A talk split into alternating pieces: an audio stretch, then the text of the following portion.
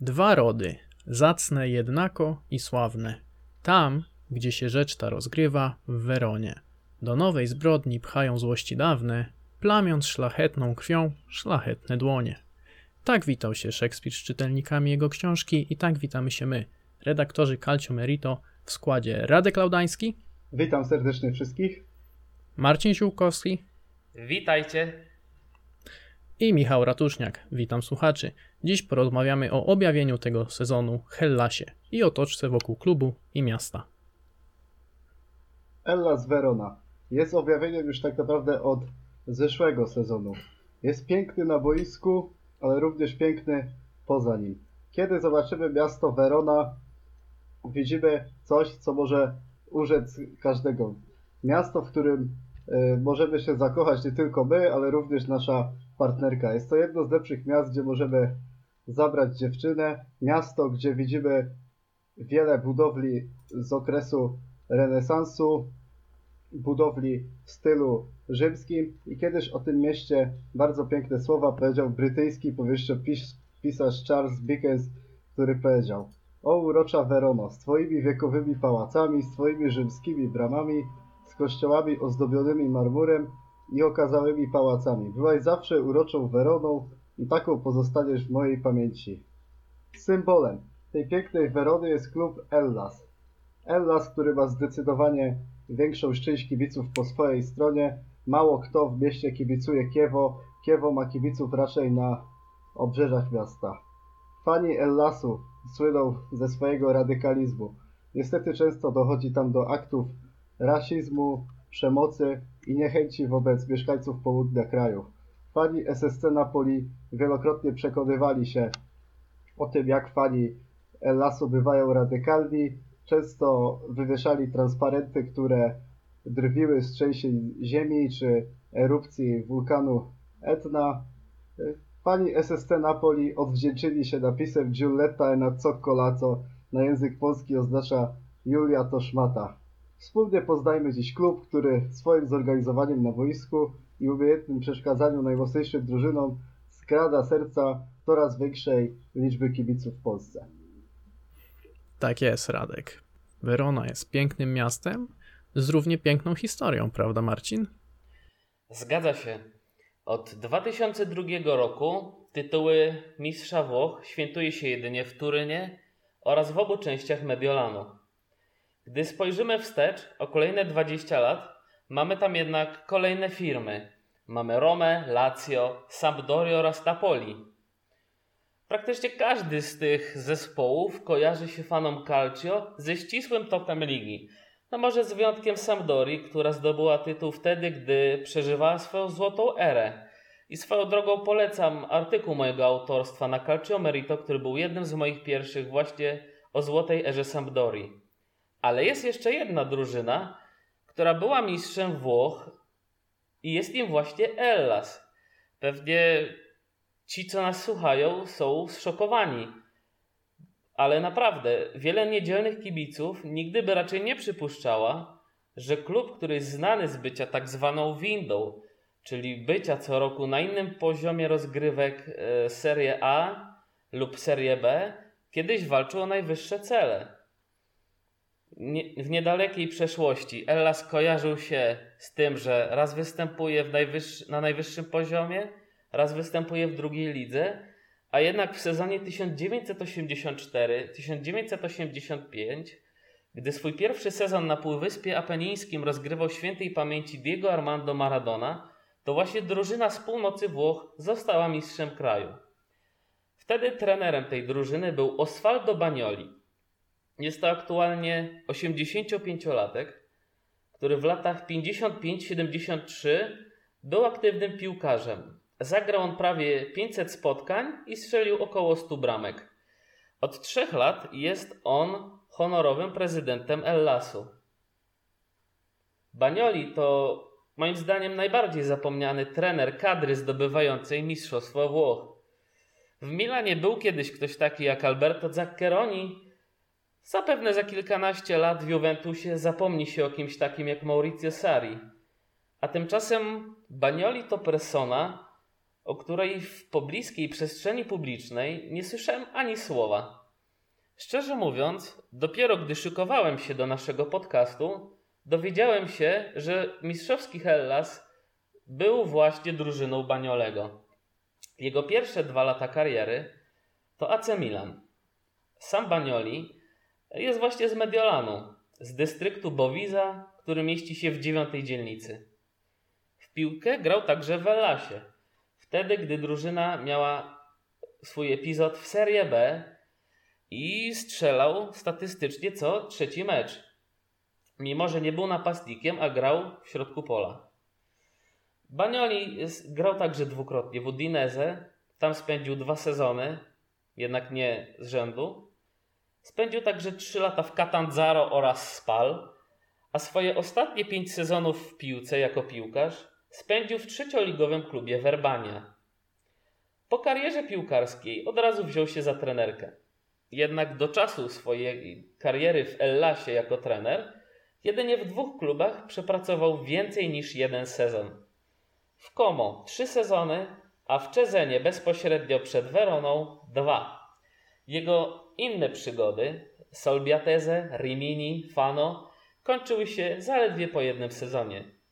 Jednak dopiero w Ellasie, po ośmiu latach w środowisku trenerów, rozpoczął na dobre swoją przygodę, zaczął być kimś, jak to się mówi u nas w kraju.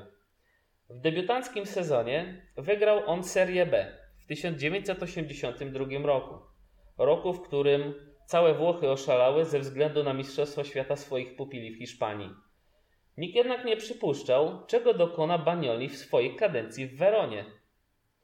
Jego debiutancki sezon w Serie A zakończył na czwartym miejscu. Drużyna Elasu uzyskała kwalifikację do Pucharu UEFA na następny sezon. Stracili oni zaledwie 4 punkty do wicelidera Juventusu. Były to czasy wygranych za 2 punkty, więc na nasze może to być takie 6 punktów. A połowa ligi była wtedy zaledwie w 6 punktach.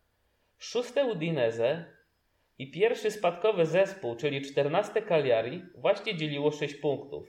Udinese miało ich 32, Cagliari 26.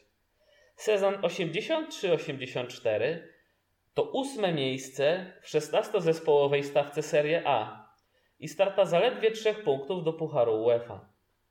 Mieli oni tyle samo punktów, co będący dwie pozycje wyżej Milan, sklasyfikowany na miejscu szóstym. W Europie dosyć krótka przygoda. Dwumecz z Cerweną Zvezdą w pierwszej rundzie okazał się sukcesem, gdyż w obu meczach drużyna Baniolego wygrała 1-0 i 3-2. W drugiej rundzie nastąpiło jednak dosyć sensacyjne odpadnięcie ze szturmem Gras przez gole na wyjeździe. Ellas zremisował u siebie 2 2, a w Austrii wynik wynosił 0-0.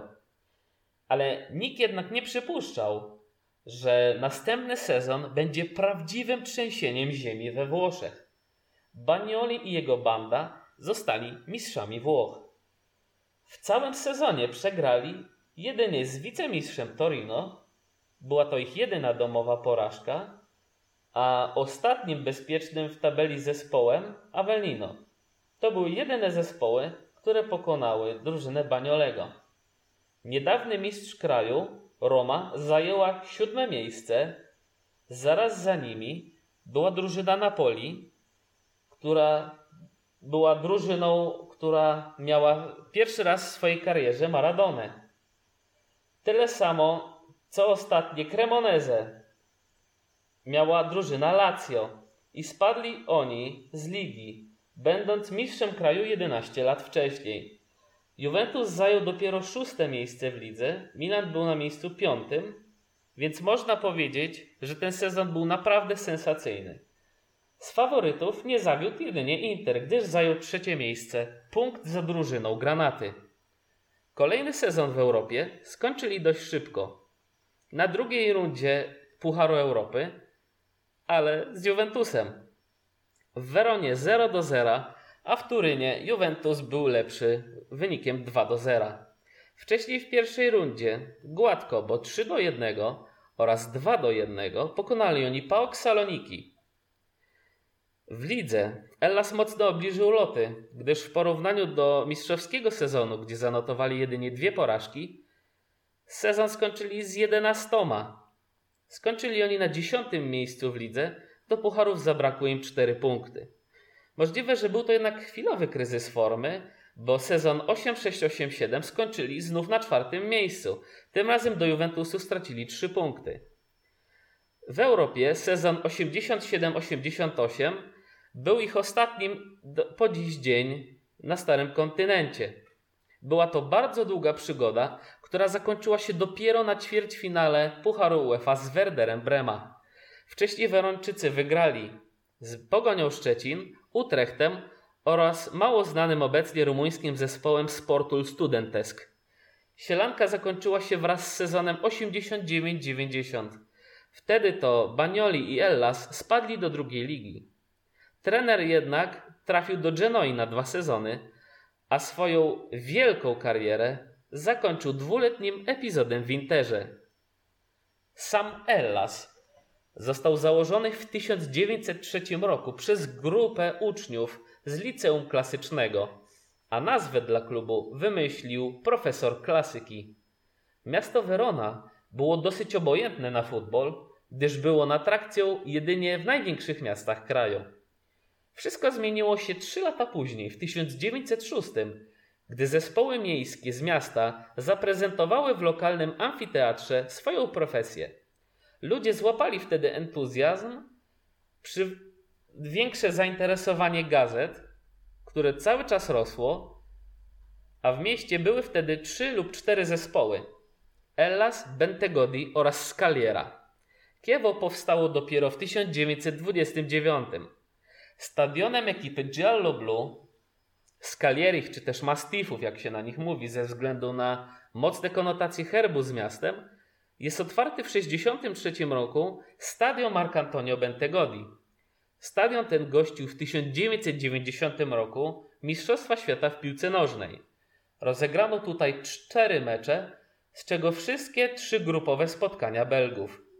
Do tego rozegrano jeden mecz fazy pucharowej między Hiszpanią a Jugosławią w jednej ósmej finału. Mecz, który skończył się zwycięstwem drużyny z Bałkanów 2 do 1. Co do stadionu jeszcze. Stadiapostcards.net podało statystykę, która pokazuje, który klub jest kibicowskim wyborem numer jeden. I co ciekawe jest to Ellas. Na ostatnie 15 sezonów średnia widownia na Bentegodi była aż 12 razy większa po stronie Ellasu. Tylko w trzech sezonach widownia była na korzyść Kiewo, w tym ostatni sezon 2019-20. W czasie, który podałem, czyli od sezonu 2005-2006, były nawet dwa sezony, gdzie Ellas był w trzeciej lidze, a Kiewo było w Serie A, ale nadal Ellas miał większą widownię. Wtedy na trzecioligowy Ellas potrafiło przychodzić około 14 tysięcy widzów, na Kiewo nieco ponad 11 tysięcy. Kończąc wątek stadionu, wziął on nazwę od imienia największego XIX-wiecznego werońskiego propagatora sportu w mieście, Marcantonio Bentegodiego.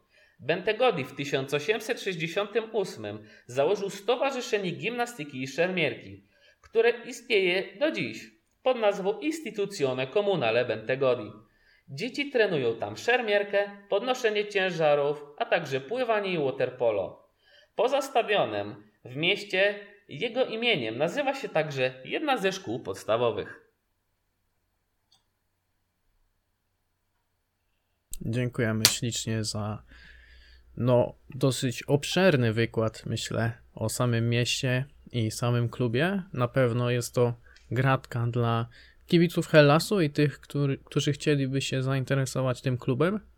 Warto jeszcze y, wspomnieć, że jednym z piłkarzy występujących w Hellasie był Władysław Żmuda, który trafił do Hellasu jako jeden z nielicznych obcokrajowców, który został sprowadzony do formacji obronnej. Sam mówił, że szczyci się poniekąd tym faktem. Niestety nie miał on trochę pecha, nie miał szczęścia.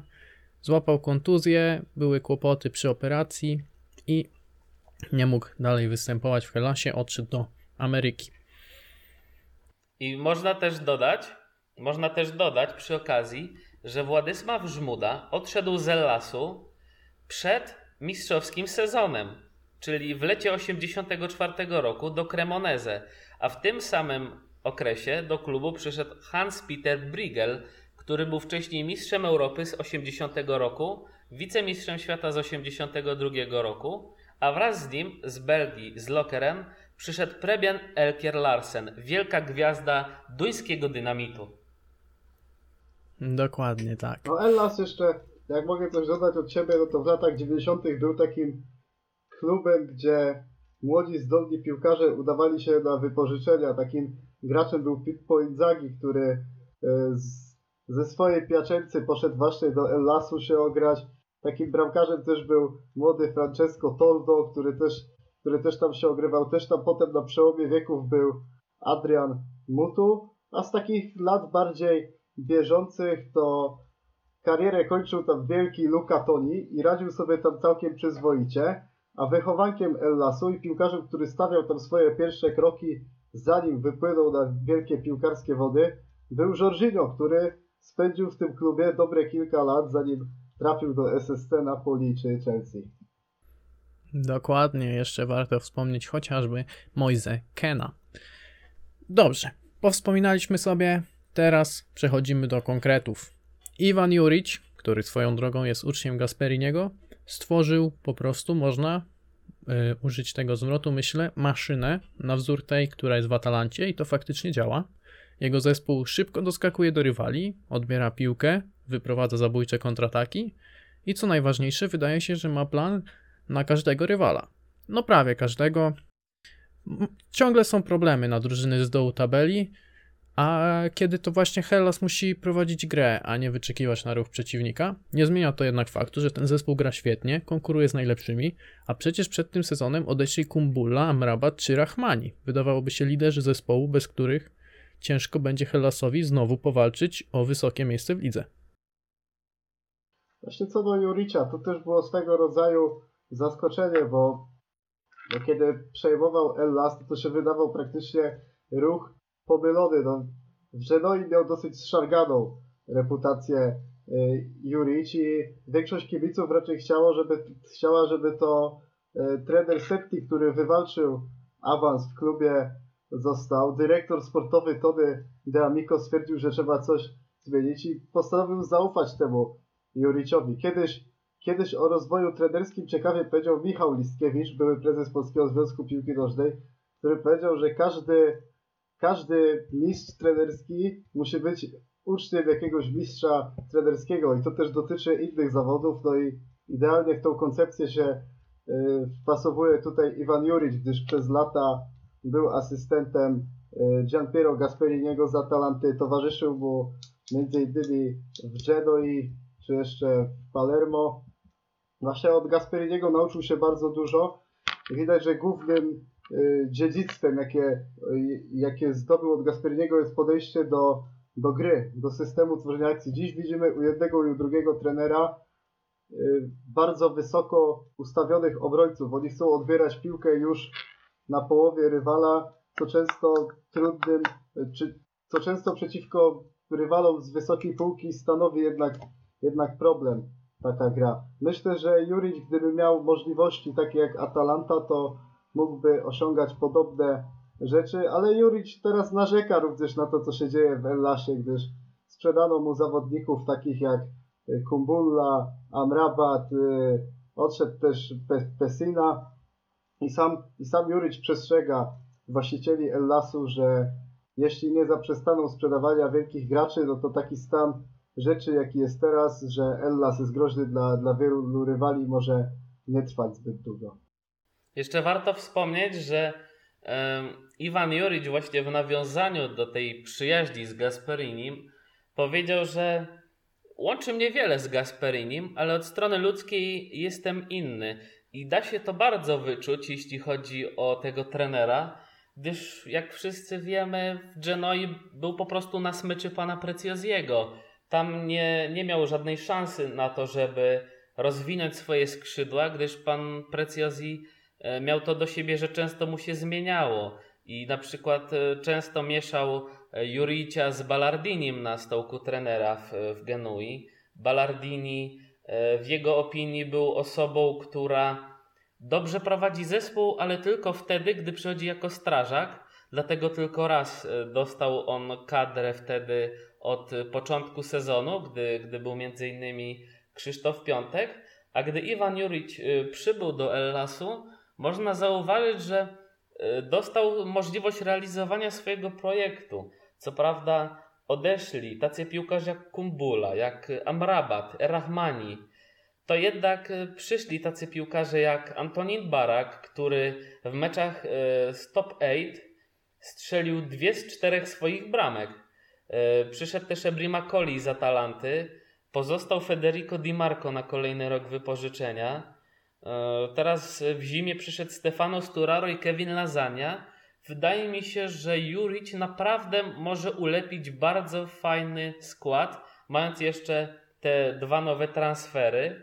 I jeżeli forma e, piłkarzy z linii obrony, tak jak Koray Ginter, e, junior Mateo Lovato, który dostał szansę bardzo dużo razy i nie zmarnował jej, a także Paweł Dawidowicz, który w tym sezonie zagrał już więcej spotkań niż w całym poprzednim sezonie Serie A.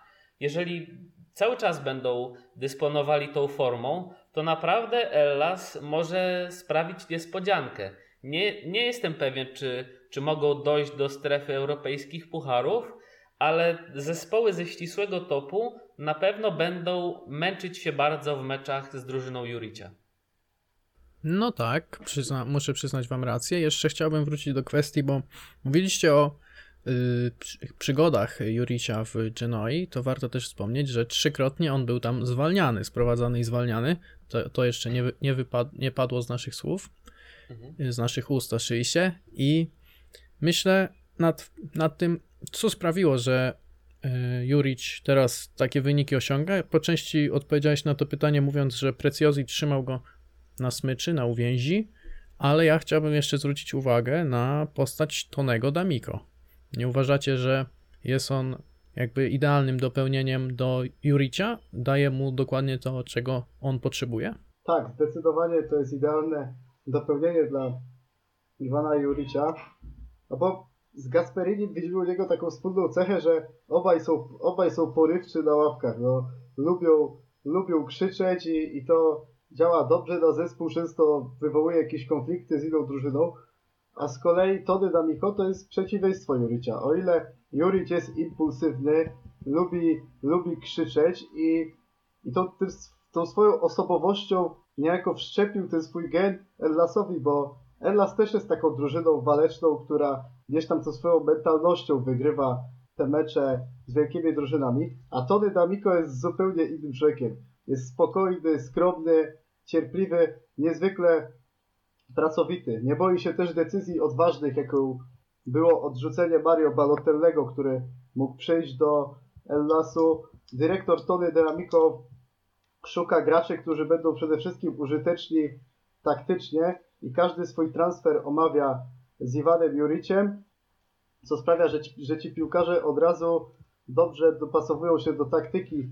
Idealnym przykładem takiego piłkarza jest Adrian Tameze, który y, został sprowadzony do Ellasu niedawno za, za grosze, chyba za 5 milionów euro, o ile się nie mylę, z Licei. Do klubu przyszedł też Barak, który jak teraz widzimy występuje na, na pozycji fantazisty i, i radzi sobie bardzo dobrze technicznie, jak i biegowo w swoich meczach.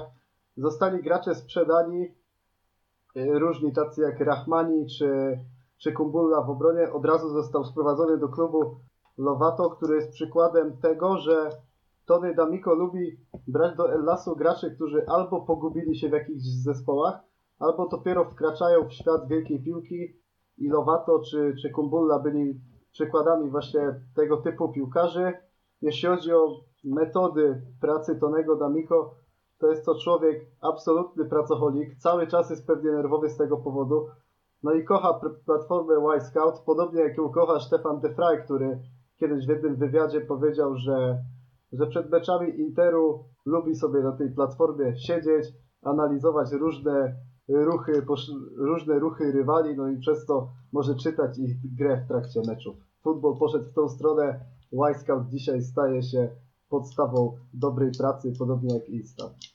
Drużyna Juricia ma widoczny taki pierwiastek bałkańskości, można powiedzieć, bo jakiego piłkarza z Bałkanów byśmy nie znali, czy Edin Dzeko, czy Aleksander Kolarow, to można po nich poznać, po ich zachowaniach, po tym jak funkcjonują na boisku, że to są gracze charakterni, to są ludzie, którzy nie mają w zwyczaju się poddawać. I właśnie to samo jest widoczne w drużynie Ellasu Juricia, gdyż ta drużyna jest w stanie naprawdę zrobić wszystko. Tak jak się mówi w Polsce, że ktoś może góry przenosić, to właśnie to jest alegoria Ellasu, to jest e, stwierdzenie, które idealnie pasuje do tej drużyny i myślę, że to jest fajne w tej drużynie, że oni są jak taka enigma, nie wiesz czego się po nich spodziewać.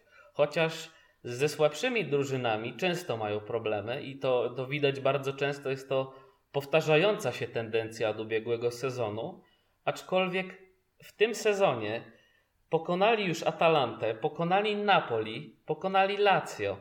Do tego jeszcze pokonali Romę, wiadomo, walkover, ale na, na boisku tam co prawda było 0-0, ale Roma, Roma też nie miała za dużo do powiedzenia w tym meczu. I naprawdę, jeżeli nawet Ellas nie powalczy o puchary, to drużyny walczące o mistrzostwo mogą być dla nich ważne bardzo konfrontacje z Ellasem, bo jeżeli na przykład stracą z nimi punkty, to może się okazać, że to są właśnie te punkty, które zabrakły tym grubym rybom do tytułu.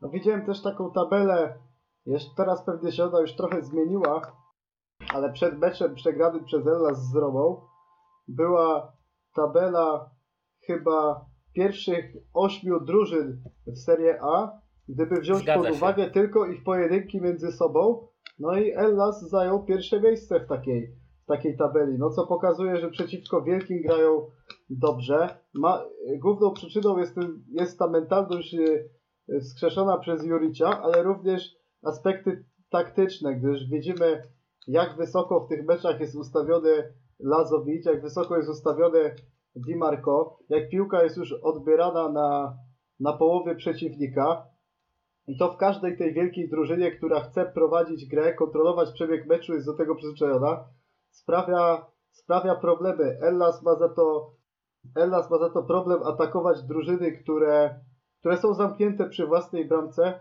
i próbują grać z kontry. Wtedy, wtedy widzimy taką bezradność tego, tego Ellasu. On nie może gdzieś tam tych akcji skończyć, no bo te akcje ich są duszone w zarodku przez, przez defensywę rywali. Część tego widzieliśmy w meczu y, z, wielki, z wielkim rywalem, czyli, czyli Romą. Tak, tak, tak była ta sama zależność, kiedy Ellas próbował atakować, Roma jednak potem była trochę cofnięta do defensywy, no i ci piłkarze Ellasu nie mogli rozwinąć dalej swoich skrzydeł. Jeszcze co do tego meczu z Romą ostatniego, no to jak już zacząłem o tym mówić, to chciałbym nadmienić, że Juricia w tym meczu zgubiło ustawienie personalne swojego składu. On chciał na ten mecz wyjść defensywnie, o czym świadczy posadzenie na, na ławce Di Marco. Di Marco, który popełnia błędy w defensywie, ale daje bardzo dużo w ataku. No i Ellas był w tym meczu niewyraźny. Zakani nie mógł, nie mógł zrobić praktycznie nic w ataku. Wyglądał inaczej niż, niż w meczu przeciwko Napoli. A po wejściu Federico Di Marco, czy właśnie Ebrime Koleja, Ellas był ustawiony bardziej ofensywnie i widzieliśmy, że Roma w tej drugiej połowie przygasła. Ellas mógł grać bardziej tym stylem, do którego nas przyzwyczaił w meczu przeciwko wielkimi rywalami, a ich takich prawdziwym majstersztykiem był mecz przeciwko SSC Napoli, gdzie widzieliśmy taki klasyczny Ellas, który mistrzowsko rozpracował taktycznie swojego przeciwnika. Mi się wydaje, że drużyna Ellasu ma pewne problemy, czy, czy w ataku, czy w obronie. Między innymi dlatego, że oni nie mają żadnych gwiazd w zespole. Możliwe, że gdyby mieli kogoś e, takiego klasy międzynarodowej, niekoniecznie klasy ligowej, to możliwe, że byliby wyżej w tabeli. Jakiś na przykład napastnik klasy światowej może, może klasy światowej przesadziłem, ale takie nazwisko, które przyciągnie na trybuny po prostu. Może tacy nata- napastnicy pokroju Luki Toniego, czy Gianluigiego, Jezu, przepraszam, Luki Toniego, czy Pazziniego oczywiście. Może Fabio wcześniej już byli- byłby dobry. Też już się starzeje i też taki wojownik na boisku. To jest ciekawy pomysł, aczkolwiek myślę, że do Elasu przydałby się ktoś trochę młodszy, taki między 25 a 30 lat. Właśnie Quagliarella to jest dobry przykład, bo Pazzini to ostatnie lata jednak trochę cicho się o nim, e, no nie było o nim za głośno, bądźmy szczerzy. Jedynie właśnie Quagliarella, tak ostatni sezon może, może trochę o nim przycichło. Tylko przyda się ktoś, kto na przykład, nie wiem, nie poradził sobie w innej lidze i przychodzi do Ellasu się odbudować. Tak jak na przykład w ostatnim czasie e, łączono e, z Milanem e, Lukę Jowicia, to może ktoś właśnie tego pokroju przydałby się w Ellasie. Ktoś, kto chciałby też za jednym razem odbudować się, ale też skosztować tego włoskiego życia, bo życie we Włoszech jest, jest bardzo fajną sprawą. Wiem to ze względów też rodzinnych, ale to tutaj nie o tym. I naprawdę jest to fajne miejsce, żeby coś e, wróciło do normy w kwestii piłki nożnej. Bo jak widzicie, e, parę lat temu e, Mattia Zaccani e, był postrzegany jako totalna porażka. W ogóle kto to jest? Nic z niego nie będzie. Tymczasem my w tym sezonie pierwsze co myślimy o Ellasie to jest właśnie Zaccani. Czyli jak widać można i może zrobi podobną karierę jak Francesco Caputo. Kto wie? Czas, czas pokaże. No, no, myślę, że jeszcze nie możemy tak mówić w kontekście Zakaniego, głównie przez to, że on ma dopiero 25 lat, także spokojnie, kariera jeszcze przed nim. Jeśli mówimy już o tym, że myślimy Hellas, mówimy Zakani, to jeszcze nie sposób pominąć, yy, nie wspomnieć o Marco Silvestrim, który gra świetne, świetnie po prostu, jest bramkarzem, który już jest na celowniku wielkich klubów, a odnośnie tego, że Hellas nie strzela bramek, myślę, że dużym problemem było to, że Favilli mocno zawodził, Niestety Eddie Salcedo też nie jest tym napastnikiem, którego sobie wyobrażali. I w kontekście tego, co mówiłeś, że powinni sprowadzić sobie napastnika, to w, y, w zimie, teraz w styczniu, trafił do nich Kevin Lazania i mam do Was pytanie, czy myślicie, że on będzie w stanie zapewnić Hellas, Hellasowi bramki? Czy on Oj, będzie w stanie pociągnąć drużynę? No moim zdaniem, jeśli chodzi o Kevina Lazanie, jest to gracz, który w przeszłości pokazywał jakiś tam swój potencjał, ale na pewno potrzebuje trochę czasu na, na odbudowę. Ostatni mecz z Romą pokazał, że jego problemem jest jednak skuteczność, co, co dla napastnika jest kluczowe. Patrząc na to, ile z piłkarzy wyciska Juric, można stwierdzić, że rozwije, rozwinie się na tyle, że będzie dobrym napastnikiem dla Ellasu. Bo też tak rozmawialiśmy o, tych, o tym, że Ellas potrzebuje dobrego napastnika, ale też na ten Ellas trzeba spojrzeć trochę racjonalnie. To nie jest klub, który może zatrudnić e, takiego atakującego w stylu Luki Jowicza. Ellas nie będzie miał nigdy takich pieniędzy, żeby wykładać na, na transfer piłkarza około 20 milionów euro, teraz w takiej erze covidowej. Oni muszą, oni muszą bazować na tym, co teraz jest i co funkcjonuje dobrze, czyli ta praca Tonego D'Amico, sprowadzanie do klubu młodych graczy z ciekawą perspektywą, którzy jeszcze nie zabłysnęli i gracze, którzy gdzieś tam może się trochę pogubili, ale mogą pasować do koncepcji taktycznej Juricia. No i właśnie Lasagna jest e, tego typu wyborem, a też właśnie się jeszcze odniosę do tego, co mówił wcześniej Marcin, że Sakani jest takim symbolem tego Ellasu Juricia. Ja się z tym absolutnie zgadzam, ale moim zdaniem to jest gracz, który zrobi dużo większą karierę niż Chicho Caputo. Ciekawe słowa. Wydaje mi się, że skoro Zakani ma 25 lat, to jest jeszcze wiele przed nim. Aczkolwiek co do Lazani, wiadomo, swego czasu robi, robiono o nim memy, też ma trochę memiczne nazwisko z racji tego, że się kojarzy z, z włoską potrawą. Aczkolwiek, no wiadomo, przez wiele lat był takim ligowym dżemikiem, jak to się u nas mówi, ale myślę, że jest on gwarantem tych pięciu, siedmiu bramek na wiosnę. Myślę, że też w nawiązaniu do tego, że mm, Ellas nie stać na, na kogoś, kto jest y, gwiazdą, Wydaje mi się, że i tak i nie. Z jednej strony zarobili dużo na Kumbuli, Amrabacie, Rahmanim. Niekoniecznie muszą wydawać na przykład połowę budżetu na niego. Możliwe, że oni takiego napastnika sobie też mogą wychować.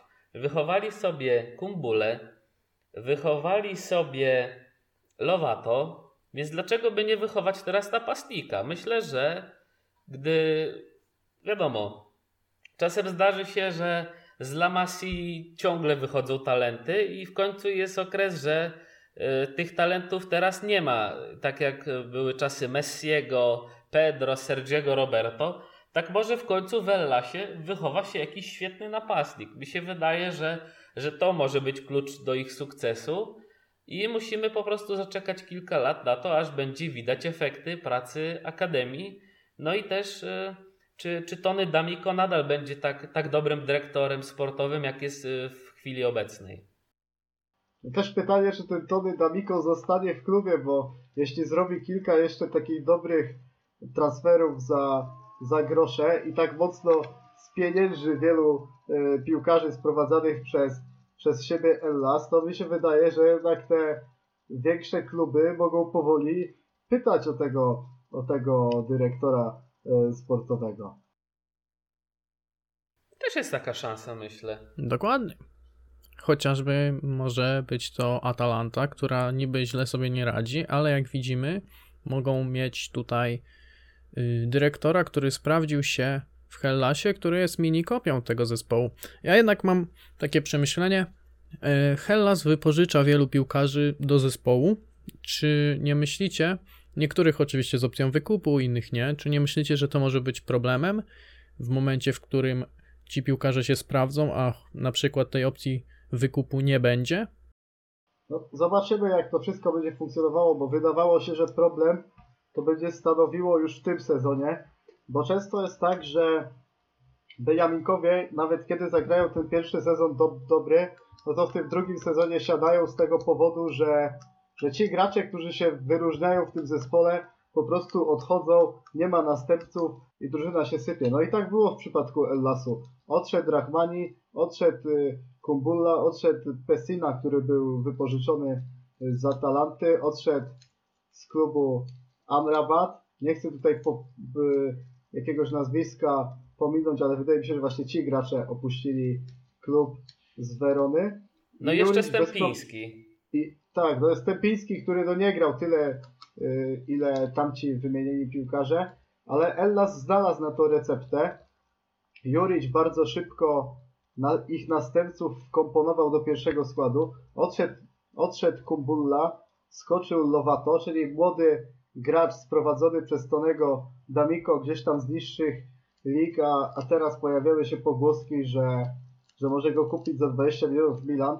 Teraz moim zdaniem ten Lovato ma trochę za mało minut, żeby dostać transfer gdzieś tam trochę przygas, ale Juric widzimy, jak teraz odkopał Dawidowicza, kiedy nie było, kiedy nie było e, obrońców tamtych, którzy odeszli, więc Ellas może być tego typu drużyną, która nawet jeśli ci dobrzy piłkarze będą odchodzić, będą się pojawiali następni. Tylko pytanie, ile czasu to będzie funkcjonowało, no bo jeśli dalej klub tak będzie działał jeszcze w następnym sezonie, to ja przypuszczam, że ktoś na pewno się większe zainteresowanie zainteresuje zarówno Juriciem, jak i Tonym Damiko, a już pojawiają się pierwsze plotki, że, że do Juricia dzwonił Aurelio de Laurentiis, z klubem z Neapolu jest też łączony Zaccani.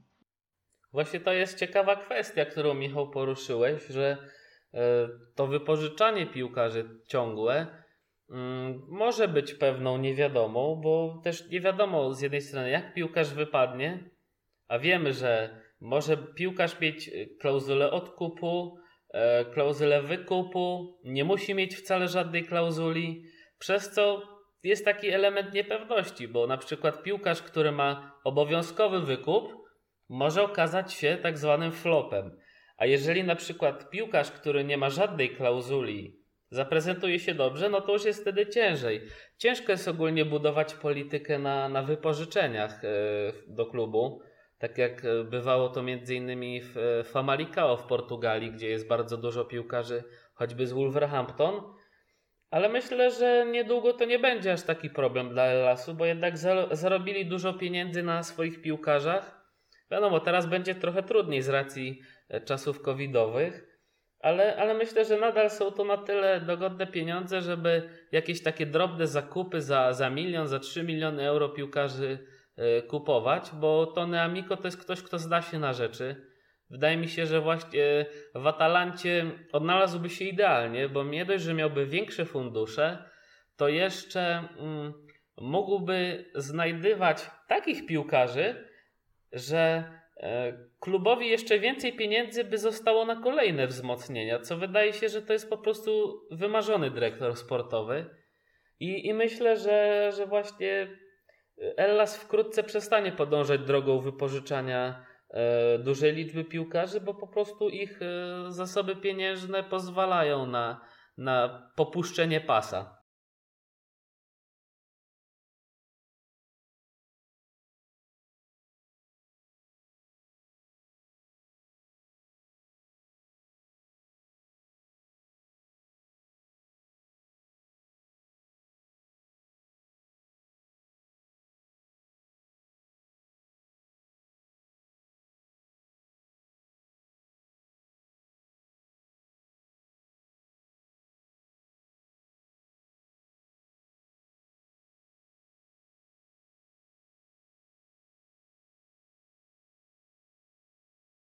Dobra, to może ja tym razem zacznę.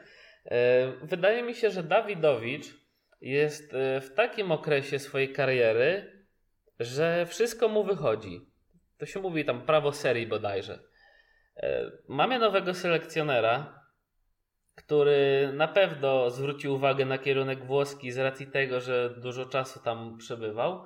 Paolo Sousa jest skory do gry trójką obrońców. Jest to jeden z systemów który, e, który jemu po prostu pasuje. Dawidowicz gra trójką obrońców w klubie. Na tym etapie, tak jak mówiłem już, w lidze zagrał więcej spotkań niż przez cały ubiegły sezon. Jego klub spisuje się dobrze. On sam często gra. Jak wiadomo, już rozegrano 20 spotkań. Dawidowicz zagrał w 16. Więc jest to złoty okres w jego karierze. I nie, nie stał się kolejnym talentem z, z jakąś łatką, tak jak Mateusz Borek nazwał go kiedyś polskim Hummelsem. I teraz trochę zaczyna wychodzić na jego, że Mateusz Borek jednak miał rację, że dojrzał e, w Dawidowiczu kogoś wartościowego na boisku. I myślę, że Dawidowicz, jeśli będzie się tak stopniowo rozwijał i piął w górę, myślę, że nie dość, że jest pewniakiem do wyjazdu na euro, ale przy utrzymaniu formy może nawet załapie się do pierwszego składu, bo dzisiejszy solenizant Kamil Glik wiecznie żyć nie będzie. I jeżeli na przykład Sousa uprze się, że będzie stawiał na młodych, no to jeszcze większe szanse na grę ma Dawidowicz wtedy. No moim zdaniem Dawidowicz również ma swój prime, co pokazuje jego liczba, liczba minut. Zawsze Dawidowicz się gdzieś tam motał po niższych ligach, po zespołach młodzieżowych, a kiedy wreszcie wszedł z tym Ellasem do Serie A, no to widzieliśmy, w zeszłym sezonie nie grał zbyt dużo, miał zaledwie 687 minut. Juricia często odrzucało to, że Dawidowicz lubił łapać kartki w trakcie, w trakcie meczów. No i też byli mocni, mocni konkurenci, tacy jak Kumbulla, Rahmani, yy, którzy odeszli już z tego klubu. Teraz Teraz Dawidowicz przeżywa swój najlepszy okres. Ma już rozegrane ponad 1100 minut. Takim jego chyba najlepszym meczem był ten przeciwko SSC Napoli, kiedy schował do kieszeni Lorenzo Insigne, a jak widzieliśmy e, w tym sezonie Insigne naprawdę grał dobrze i był, i był w wysokiej formie. Pamiętam mecz z Milanem, kiedy odciął mocno od podawania piłki kolegom Hakana Czarhanoglu, co też mi się od razu rzuciło w oczy. No i stwierdziłem, że ten Dawidowicz może jednak się rozwinąć. Juriś na niego działa bardzo dobrze, bo widać, że to jest taki trener, który przede wszystkim yy, cieszy się, kiedy piłkarz pracuje, kiedy jest waleczny na boisku, a Dawidowicz ewidentnie wykazuje te cechy. Ostatnio pokazuje też, że jest silny mentalnie, bo czytałem sobie o hejcie, jaki kiedyś yy, przeżywał Mówił, że czytał te wszystkie komentarze na swój temat e, w internecie z ciekawości, żeby zobaczyć, co ci zawistni ludzie o tym sądzą, a on jednak się nie załamywał, tylko mówił, że ci ludzie nie mają za dużego pojęcia o piłce. Jak się chcą lepiej czuć dzięki temu, to niech, niech to robią. On powiedział, że kiedyś im udowodni, że się, że się mylą i właśnie to teraz zrobił Dawidowicz i myślę, że jeśli dalej będzie tak pracował, a wierzę, że będzie, no to zobaczymy go jeszcze przez kilka lat długo grającego w Serie A i dającego polskiemu selekcjonerowi y, sporo możliwości do gry w obronie. Myślę, Radku, że w, w jednej kwestii się nie zgodzę, bo powiedziałeś, że y, Dawidowicz jest aktualnie w prime time. Ja się, nie, ja się pozwolę z tym nie zgodzić, bo uważam, że Dawidowicz ma jeszcze możliwości do tego grać lepiej, żeby grać lepiej. A, a prime time to jest takie umowne stwierdzenie do takiego najlepszego, do takiej najlepszej formy w karierze. A myślę, że Dawidowicz, mimo tego, że już gra świetnie, to myślę, że może jeszcze tą tak zwaną śrubę docisnąć. I myślę, że myślę, że jeszcze na lepszym poziomie może grać. Tylko po prostu możliwe, że jest to kwestia lepszej drużyny i lepszego trenera. Może to jest y, trener pokroju Klopa, Guardioli, ktoś właśnie z taką rangą może musi mieć y, Dawidowicza w swojej drużynie, żeby wycisnąć go jak cytrynę i po prostu uzyskać naprawdę to, co najlepsze. No ja myślę, że jednak Juric jest teraz dobrym trenerem. No, ma Dawidowicz potencjał, ale wątpię, żeby kiedykolwiek pracował e, z Klopem czy Guardiolą, a moje stwierdzenie co do Prime'u dotyczyło głównie tego, co Dawidowicz osiągnął już teraz w karierze, a nie do tego, co, co będzie w przyszłości i się chciałem do tej kwestii akurat odnieść.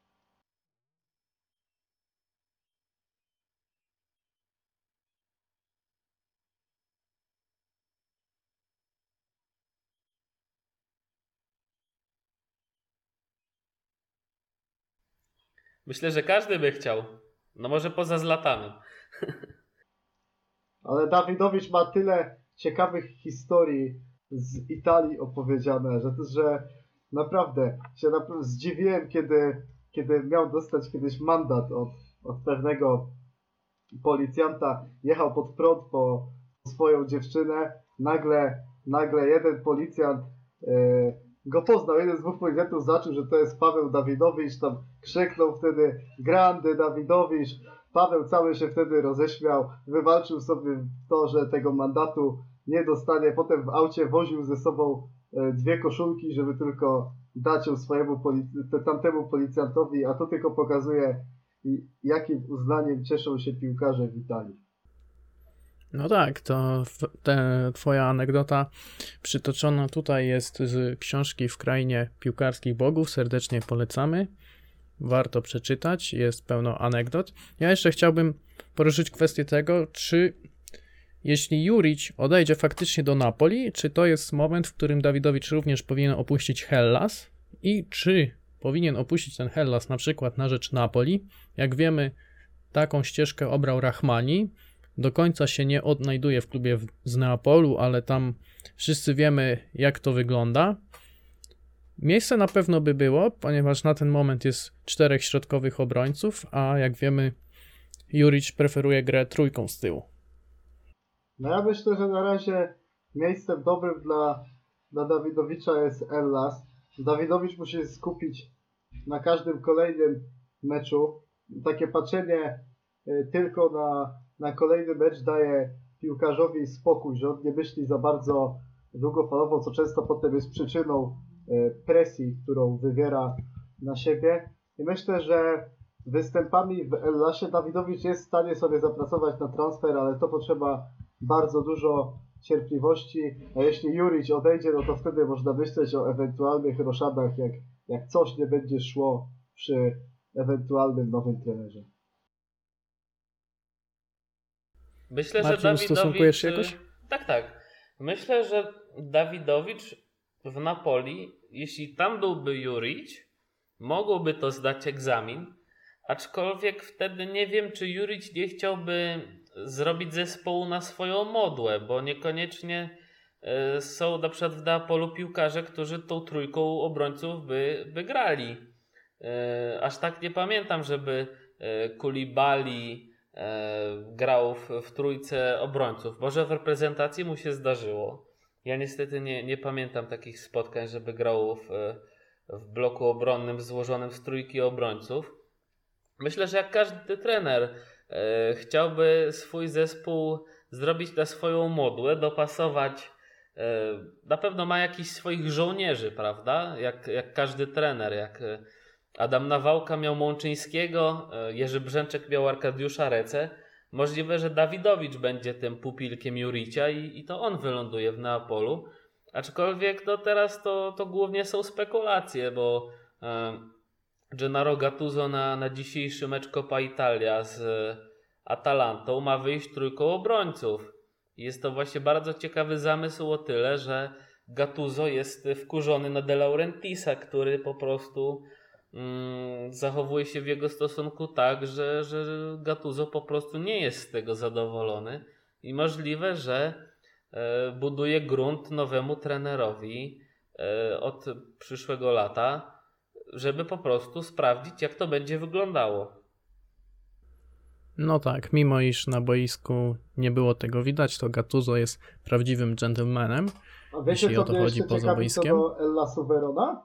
Jeden, jedna taka kwestia wzbudza moje zainteresowanie, bo pamiętam, kiedy Borussia Dortmund trenował Jurgen Klopp, no to często widzieliśmy taką tendencję, że, że piłkarze tylko przy nim grali tak dobrze i w tym jego systemie taktycznym się odnajdywali ideal, y, idealnie. Lewandowski był piłkarzem, który gdzieś tam zaprzeczył tej, e, tej tezie, bo również się odnalazł w Bayernie Monachium, ale było, była duża grupa e, piłkarzy takich jak Nuri Sahin, jak Kagawa, po części też Hummels moim zdaniem, który no, zrobił karierę, ale według mnie mógł być jeszcze lepszy. I mnie ciekawi teraz fakt, jak ci piłkarze Ellasu Verona będą sobie radzić pod wodzą innego trenera niż Juric. Czy oni rzeczywiście mają taki skill, czy po prostu Juric e, tak dobrze ich dopasowuje do, do swojej taktyki. I dziś jest ciężko odpowiedzieć na takie pytanie, gdyż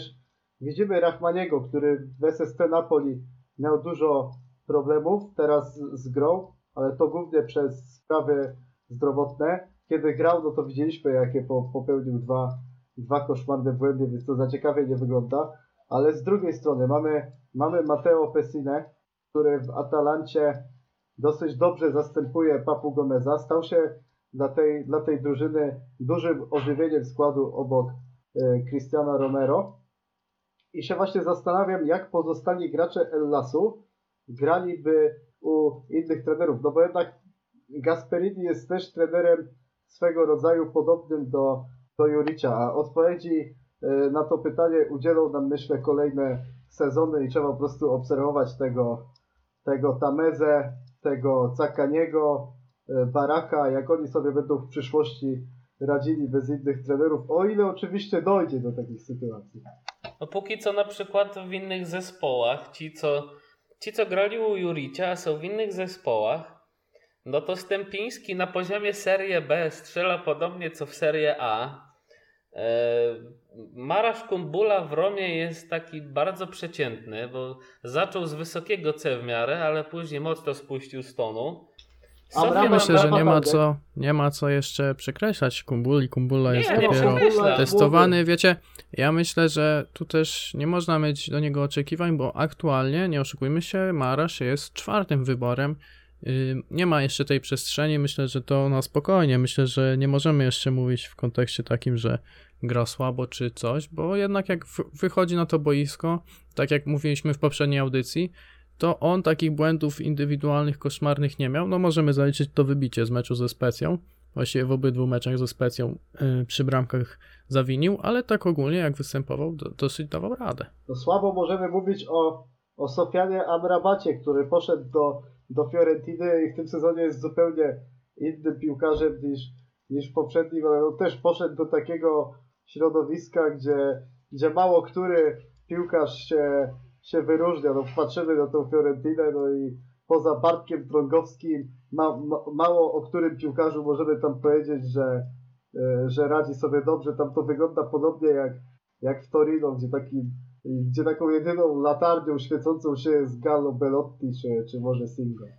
Znaczy wiesz co, Kumbula może też, e, no wiadomo, ma wiele lat gry przed sobą, ale po prostu ten poziom z Ellasu, a poziom jego w Romie to trochę jednak jest lekki spadek, aczkolwiek ja go nie skreślam, bo też, też w Romie jest ostatnio pewnego rodzaju chaos właśnie, czy, czy z Dzeko i też ta atmosfera może się Albańczykowi też udzielać, aczkolwiek y, taki Sofian Rabat mam wrażenie, że się bardzo przyswaja do, do otoczenia, bo w Ellasie był świetny, cały Ellas był świetny, a Fiorentina, która popadła w marazm, y, ma takie oddziaływanie na, na Sofiana, że, że ten Amrabat też jest strasznie miernym piłkarzem i niech, niech y, na moje słowa potwierdzeniem będzie to, że e, poza Drągowskim, no to najlepszym piłkarzem z pola jest Duszan Wlachowicz, który nikim specjalnym tak naprawdę nie jest.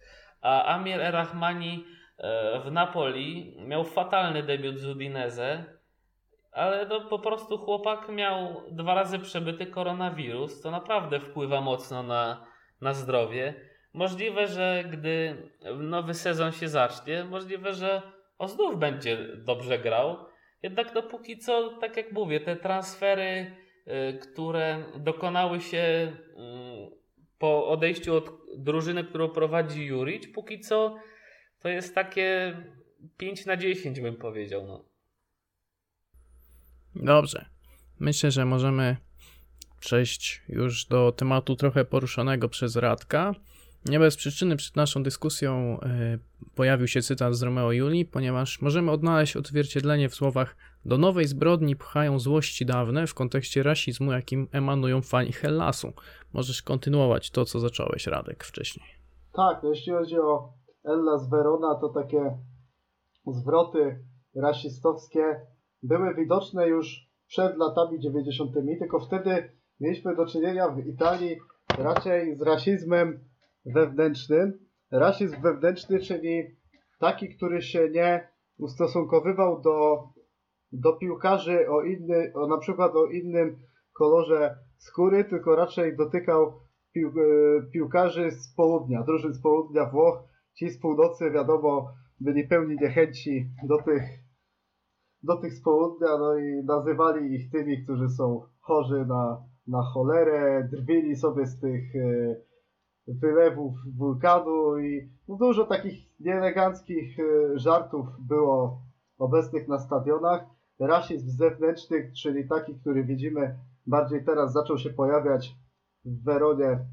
Takie pierwsze poważne incydenty w roku 1996, kiedy do klubu przyszedł pierwszy czarnoskóry piłkarz Michael Ferriera. Wówczas, e, wówczas na na trybunie, kurwa, Sud El Lasu był e, wywieszony e, manekin, e, manekin, który przedstawiał wiszącego czarnoskórego człowieka i, i pętle na, na szyi. Tam też często były widoczne swastyki. Ugrupowanie było uważane za, za neonazistowskie. No potem wiadomo, próbowano jakoś z tym wszystkim walczyć.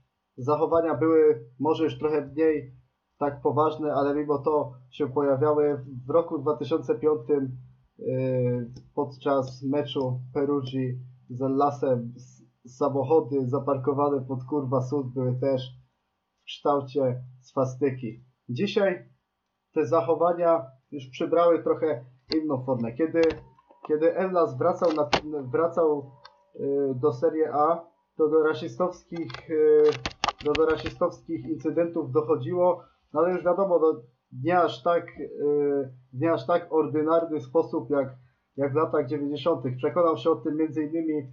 Mario Balotelli, który usłyszał w swoim yy, kierunku okrzyki rasistowskie, wówczas wybił piłkę yy, w trybuny no i zagroził, że, że zaraz wyjdzie, zejdzie z boiska. Tam też było dużo różnych niejasności, bo tak naprawdę trener Iwan Juric mówił, że, że owszem, tam były okrzyki wyśmiewające Mario Balotellego, ale, ale nie w kwestii rasowej. Tam też głos zabrał y, szef ultrasów Ellasu Verona, który, który powiedział, że każdy, który, każdy, kto przyjeżdża grać w Weronie, musi się liczyć z tym, że, że będzie mm, obiektem różnych wyzwisk, no i nieważne, czy ktoś jest z północy, czy z południa, czy jest biały, czy jest czarny, to po prostu będzie tak, e, tak nazywany i ten atak nie miał podłoża rasowego. No, szef e, tych ultrasów Castellini potem zapłacił za te słowa, gdyż został ukarany dziesięcioletnim